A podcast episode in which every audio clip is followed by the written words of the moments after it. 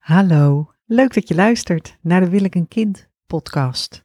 Mijn naam is Evelien de Jong en ik help mensen die twijfelen aan het wel of niet hebben van een kind, krijgen van een kind, uh, beginnen aan kinderen. En um, deze podcast wil ik het met je hebben over spijt. En dit naar aanleiding van een verzoek op Instagram om eens nog eens een podcast op te nemen over spijt. Ik heb al eerder een podcast opgenomen over spijt van het moederschap. En ik heb in deze podcast wil ik beginnen met een verzoek. Ik zoek namelijk mensen die gekozen hebben voor een vrij leven zonder kind, dus die bewust gekozen hebben om geen kinderen in hun leven te hebben, biologische kinderen van zichzelf, en die daar daarna spijt van hebben of misschien ook wel een beetje ook al staan ze achter die keuze, daar verdriet over hebben of rouwen om die keuze. En dit doe ik omdat ik mensen begeleid en die uh, uh, overwegen te leven zonder kind, biologisch kind van zichzelf. En die zijn op zoek naar mensen die dat gekozen hebben en daar dan spijt van hebben. En um, ik ging zelf denken en ik dacht, nee, ik kan eigenlijk ook niet echt iemand vinden. Dus mocht jij iemand zijn of mocht je iemand kennen waarvan je weet, oh ja, geen kinderen, bewust voor gekozen en achteraf daar toch wel uh, uh, het jammer vinden. Zelf ben ik een fervent lezer van romans. En uh, dus als je, de, als je daar informatie over hebt, wat moet je dan doen? Dan moet je een mailtje sturen of me even contacten op Instagram of op LinkedIn of een mailtje sturen naar ik lees uh, veel romans en ik ben nu ook weer bezig in een briljant boek van Anne Tyler. Als je langs een gratis biepje loopt en je ziet daar een boek staan van Anne Tyler, neem het mee. Ze kan ongelooflijk goed schrijven. Net zoals Elizabeth Strout, die de fantastische boeken van Kitteridge heeft geschreven. Olaf Kitteridge is ook een briljante serie op HBO Max met Frances McDermott. Ik heb, zit even midden in de tips. Um, dus Olaf Kitteridge uh, van Elizabeth Strout. En ook een televisieserie. Um, en waarom ik deze series en deze boeken. En Anne Tyler schrijft heel veel over dysfunctionele gezinnen. Uh, you gotta love it. En uh, die beide vrouwen, geloof ik, Pulitzer Prize winnaars, schrijven gewoon rete goed en heel herkenbaar over um, uh, over gezinnen en ook over mensen die spijt hebben. Uh, in, in dit geval spijt van het moederschap. Want dit zijn gezinnen dan met kinderen. En, en eigenlijk over dysfunctionele moeders hebben ze het ook best wel. Nou ja, mocht je je daarvoor interesseren en een lekker boek zoeken, een lekker goed geschreven boek. En Tyler, Elizabeth Strout. En dan van, van Strout met name die Kitteridge-serie. Um, spijt. Ik wil het over twee dingen hebben. Ik wil het hebben over het verschil tussen spijt en verdriet. En ik wil het hebben over dat je grootste angst waarschijnlijk is dat je later spijt krijgt. Dat komt door de, um, de, om, de, al, de allesomvattendheid van deze levensvraag en de onomkeerbaarheid. Dus dus de kwaliteiten van de vraag: wil ik wel of niet een kind? De gevolgen, de consequenties zijn zo groot dat je weet, je zult daar de rest van je leven mee moeten doen. En dan helemaal op het eind sluit ik af met een oefening. Die oefening ga ik nu alvast vertellen, want ik mocht van mijn, van mijn ouders vroeger nooit naar Er kan nog meer bij van de EO kijken, omdat die een, aan het begin van het programma, kinderprogramma, altijd een trucje lieten zien. En dan helemaal aan het eind van het programma lieten ze zien hoe dat trucje werkte. En dat is natuurlijk uitstekend. Dan moet je de hele podcast luisteren. Je moet het hele kinderprogramma bekijken om te weten hoe dat trucje in elkaar steekt. De opdracht die ik ga geven, als je nu heel bang bent dat je later spijt krijgt, dan uh, zou ik willen zeggen: stel je eens voor, de apocalyps komt. Het volgende jaar gaat niet beginnen. Dus binnen nu en drie maanden vergaat de hele planeet. Waar, hoe kijk je dan terug op je leven nu? Waar heb jij spijt van dingen? Waar denk jij van, oh, dit had ik, als ik terug kon gaan in de tijd, want dat is spijt hebben. Als ik terug kon gaan in de tijd, dan zou ik dat absoluut niet meer zo doen. Als ik hetzelfde leven nog een keer over moest doen, mocht doen, dan zou ik dit absoluut veranderen. Dus je bent nu, ben je heel bang voor spijt later, voor het verkeerde antwoord dat je mogelijkerwijs kunt geven op deze vraag. Dus misschien ben je bang dat je zult kiezen voor een leven zonder kind en later overvallen zult worden door spijt en zult denken: Oh, had ik toen maar niet die keuze gemaakt? Nou, ik vraag je om te zeggen: stel nou dat je leven hier eindigt. Het leven van iedereen eindigt hier. Maar je krijgt wel nog even de tijd om terug te kijken op je leven.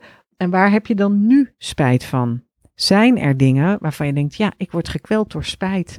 Ik had toen niet mijn kapsel zo moeten laten knippen. Heb ik mijn grootste, grote liefde, heb ik misgelopen? Of ik had niet uh, zo promiscu moeten zijn, want dan had ik geen chlamydia gehad en dan waren mijn eileiders nog open geweest. Ik had niet zo lang moeten treuzelen, ik had niet zo lang moeten wachten met kinderen krijgen, um, totdat het uiteindelijk niet meer mogelijk was. Of ik had toen toch door moeten zetten met die ene ex, die heb ik laten gaan, maar achteraf was dat mijn grote liefde. Of ik had toen niet die studie moeten kiezen die mijn ouders voor me wilden, maar ik had gewoon naar de kunstacademie moeten gaan. Of andersom, ik had niet naar de kunstacademie moeten gaan, ik had gewoon economie moeten gaan studeren.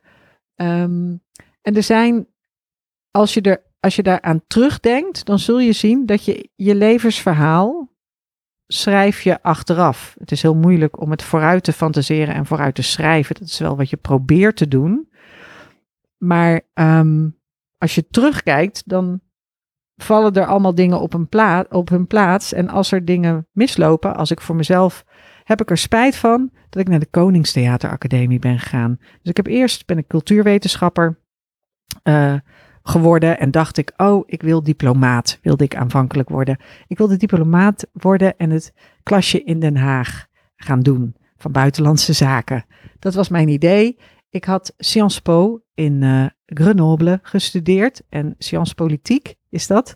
En als je dat studeert in Frankrijk, nou, dan word je uh, rijksambtenaar. Dat is daar de gewoonte.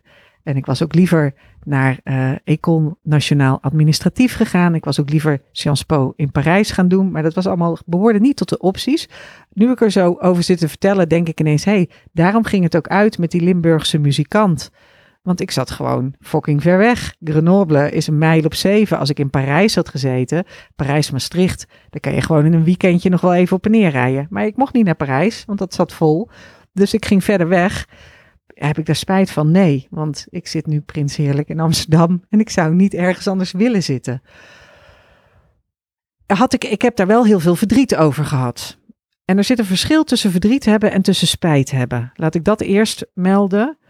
Het verdriet hebben betekent dat je de pijn toelaat en dat je gewoon voelt dat iets zeer doet. Dus dat je pijn hebt en dat je daarom verdrietig bent. Spijt hebben betekent dat je terug zou willen gaan in de tijd en daar dingen zou willen veranderen. Maar dat kan niet. Er is op geen enkele manier is het mogelijk om terug in de tijd te gaan en daar de dingen anders te doen. Je krijgt niet een tweede leven. Je kan het niet opnieuw overdoen. Je kan het niet uh, um, veranderen. De spijt is een enorme frustrerende staat van zijn. En um, verdriet is iets, je kan heel erg verdrietig zijn. En ik heb toen het uitging met die, met die Limburgse muzikant, omdat ik dus helemaal naar Grenoble was gegaan, waar ik overigens geen spijt van had. maar ik was wel heel verdrietig dat het uitging. En hij ging toen ook nog voor een Belgisch zangeresje. Hij, verliet me voor een Belgisch zangeresje, wat helemaal afschuwelijk was. Een B-zangeresje, ook nog. um, maar, dus daar had ik heel veel verdriet van. Maar ik had niet spijt. Ook niet spijt. Ik heb nooit spijt gehad van mijn jaar in Grenoble, omdat ik daar ongelooflijk veel geleerd heb. En um, omdat dat, dat hele die hele ervaring, dat hele jaar, was een hele rijkdom. En heeft me absoluut verder geholpen in te worden wie ik nu ben. Klinkt een beetje uh, vaag. Maar dus als ik terugkijk, stel dat de apocalyps zou komen, waar zou ik dan spijt van hebben? ik weet niet zo, ik zou niet, er zijn, er zijn niet zoveel dingen waar ik spijt van zou hebben. En ik heb die vraag in een aantal van mijn coachingsgroepen, in een aantal kompasgroepen ook gesteld. En eigenlijk niemand had iets waar die enorme spijt van had. Uh, als mensen al spijt ergens van, van hebben, dan is het misschien dat ze iemand iets niet gezegd hebben. Dus dat je iemand had willen vertellen, oh ik hou van je, of ik vind je toch heel leuk, of um, uh, uh, nee, niet weggaan nu. ik, ik, moet lachen omdat het zo de titel is van die Limburgse muzikant, zijn bandje. ga niet weg. maar daar, daar spijt van hebben. Nee, want uiteindelijk wordt je leven gevuld met andere dingen. En dat zijn de dingen die waar aandacht en energie in gaat zitten en die naast het verdriet tot ontwikkeling komen. En als je spijt hebt en je blijft erin hangen, en dat heb ik wel gedaan, ook grappig genoeg, toen het uitging met die Limburgse muzikant. En ook toen ik van de Koningstheateracademie dus afging, dus na dat uh, cultuurwetenschappen, Sciences Po, toen kwam ik erachter dat diplomaat zijn toch niet uh, voor mij is weggelegd. Want dan moet je heel veel papier in zes talen heen en weer schuiven. En dat is helemaal niks voor mij. Dus ik kwam erachter dat ik daar niet heel. En ik, ik, kan helemaal niet tegen protocol. Dus het was een hele, hele slechte match. Bleek toen ik stage ging lopen bij UNESCO, bleek ik helemaal niet uh, diplomatenmateriaal te zijn. Ik heb wel mensenkennis, maar ik hou niet van form, formaliteiten. En autoriteit heb ik ook een probleem mee. Dus um, dat was het niet. En toen ging ik stand-up comedy doen. Toen ging ik naar die Koningstheateracademie. Toen ik daarvan afgeschopt werd, of niet mocht blijven na het derde jaar, dan moet je door naar het vierde jaar. En toen zeiden ze in het derde jaar, ja, we zien het toch niet in je. Je bent nou eenmaal grappiger naast een podium dan erop. Dus we weten gewoon niet zo goed. En uh, ja, je wil niet iets anders doen dan grappig zijn. Je kan niet zingen. dus en um, mijn moderne dans was wel vermakelijk, maar niet grappig genoeg om daar een hele solo aan op te hangen. Enfin, ik werd van die school afgestuurd. Ik ben daar kapot van geweest. Ik ben daar kapot van geweest. Ik wilde zo graag uh, worden, iets te melden hebben, op een podium staan. Daarom deed ik ook, ja, ik, ik deed stand-up comedy, maar ik was niet heel goed. Ik deed meer stand-up comedians dan dat ik grappen had. Dus, uh, maar heb ik daar dan spijt van? Nee, het was een hele rijke ervaring. En ik heb er heel veel geleerd en ik had het helemaal niet willen missen. Zelfs niet de pijn die het deed, de, de deuk die mijn ego opliet, opliep toen ze zeiden: ongeschikt, mevrouw, u bent ongeschikt. En het is wel dankzij al die logopedie en al die stemtraining dat ik nu, ik ben nou een beetje, ik heb een beetje, ineens ben ik een beetje verkouden maar dat ik nu met zo'n lage stem, heel rustig, zonder Brabants accent, deze podcast zit op te nemen. Dus het heeft me van alles gebracht. Niet wat ik had gehoopt. Ik heb geen spijt van de jaren die ik daar heb doorgebracht, omdat het me andere dingen gebracht heeft dan ik aanvankelijk voor ogen had. Um, maar ook heel verrijkend en heel leerzaam en heel leuk uh, was. En ook echt bij mij past, een onderdeel is van mijn leven. Het verschil met verdriet is dat je, dat je kunt daar heel verdrietig om zijn. Dus toen het uitging met die Limburgse muzikant, ik weet niet, misschien heb ik toen af en toe ook wel spijt gehad dat ik dacht, oh, ik had nooit weg moeten gaan uit Maastricht. Ik weet nog dat toen ik zei van, hé, hey, ik wil een jaar naar het buitenland in deze studententijd. En hij was net bezig met dat bandje en dat werd steeds groter en dat stond op het punt van doorbreken. Of dat brak door. Ze gingen van coverband naar uh, met hun eigen liedjes dingen doen. En dat hij zei van ja, maar hè, gaat dat dan wel goed? En dat ik zei ja, natuurlijk gaat het goed. Waarom zou het niet goed gaan? We sturen, je stuurde toen nog brieven. Dus er was misschien wel e-mail. Uh, maar nog niet hè, in 1998. Het was nog niet zo dat je elkaar iedere dag een mailtje stuurde of wat dan ook. Ik kan me nog van die blauwe envelopjes herinneren. En hij was niet zo'n schrijver. En, um, en bellen deden we eigenlijk ook niet zoveel. Dus ja, is dan. Is daarom is het. Toen ik was, ik was. Ik ben een jaar lang verdrietig geweest. Nou, heb ik daar dan spijt van gehad? Mensen vonden dat te lang. Dat ik te lang te verdrietig was. Um, ja, ik weet het niet. Blijkbaar had ik dat nodig. Oh ja, blijkbaar. Ehm, ik zeg, oh ja, blijkbaar, omdat ik net, er is net een vriendin, een studie, een studievriendin. Dus we hebben net ook foto's van de studententijd zitten bekijken. En we zijn nou allebei, uh, ik ben 50 en zij is eind 40. En um, ze zei, het woord blijkbaar is een heel goed uh, woord om overal tussen te gooien. Want blijkbaar hè, is de man met wie ik getrouwd was en waar ik kinderen mee kreeg, is blijkbaar toch niet de man voor mij. Dus nou zijn we gescheiden. Maar blijkbaar kan ik nog wel heel goed met de kinderen en met hem en zijn nieuwe vriendin op vakantie. En blijkbaar, dus blijkbaar is, is eigenlijk een woord waarmee je dingen accepteert. Uh, dus uh, probeer het maar eens. Probeer maar eens overal blijkbaar is dit wat, me, wat, wat ik nu krijg in het leven. En soms kan dat verdrietig zijn, maar de angst die je hebt voor spijt later, is een angst. Je, je leidt meer aan het hebben van de angst. Dus dit is het aloude gedichtje dat mijn moeder zo kan oplepelen. Kijken of dat ik het ook kan. Men lijdt het meest aan de angsten die men vreest. Ah, kak. Nou weet ik niet hoe het verder gaat. Maar die nooit komen zullen, waardoor men meer lijdt dan God te lijden, hem of haar te lijden geeft. Ik wil het toch even opzoeken. Ja, hier is het.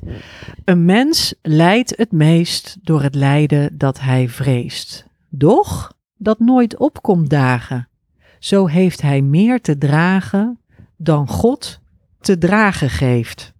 Ik ben niet een hele grote gelover van God. Ik ben meer van de energetische, er zal wel iets zijn uh, uh, secte. Uh, niet eens. Ik vind alles prima.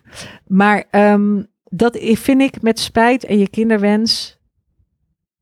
Dat, dat hele, dat gebukt gaan en jezelf zeggen van ja, maar het voelt toch, het, ik weet het toch niet zeker genoeg. Of het voelt toch niet, het, het fundament is niet stevig genoeg. Ik ben zo bang dat ik daar spijt van krijg.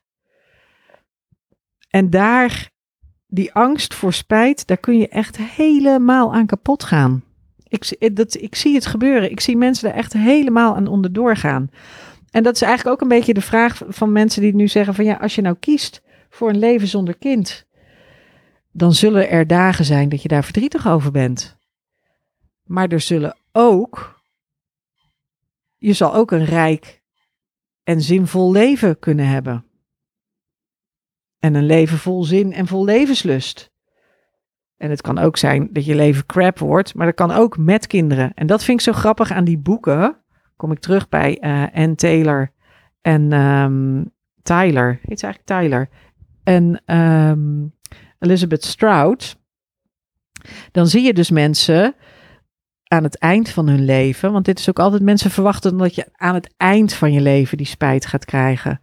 En dan zie je dat um, de mensen die wel kinderen hebben, misschien hebben ze niet eens spijt gehad van het moederschap. Daar gaat die andere podcast over. over eh, en er is een boek over, Regretting Motherhood.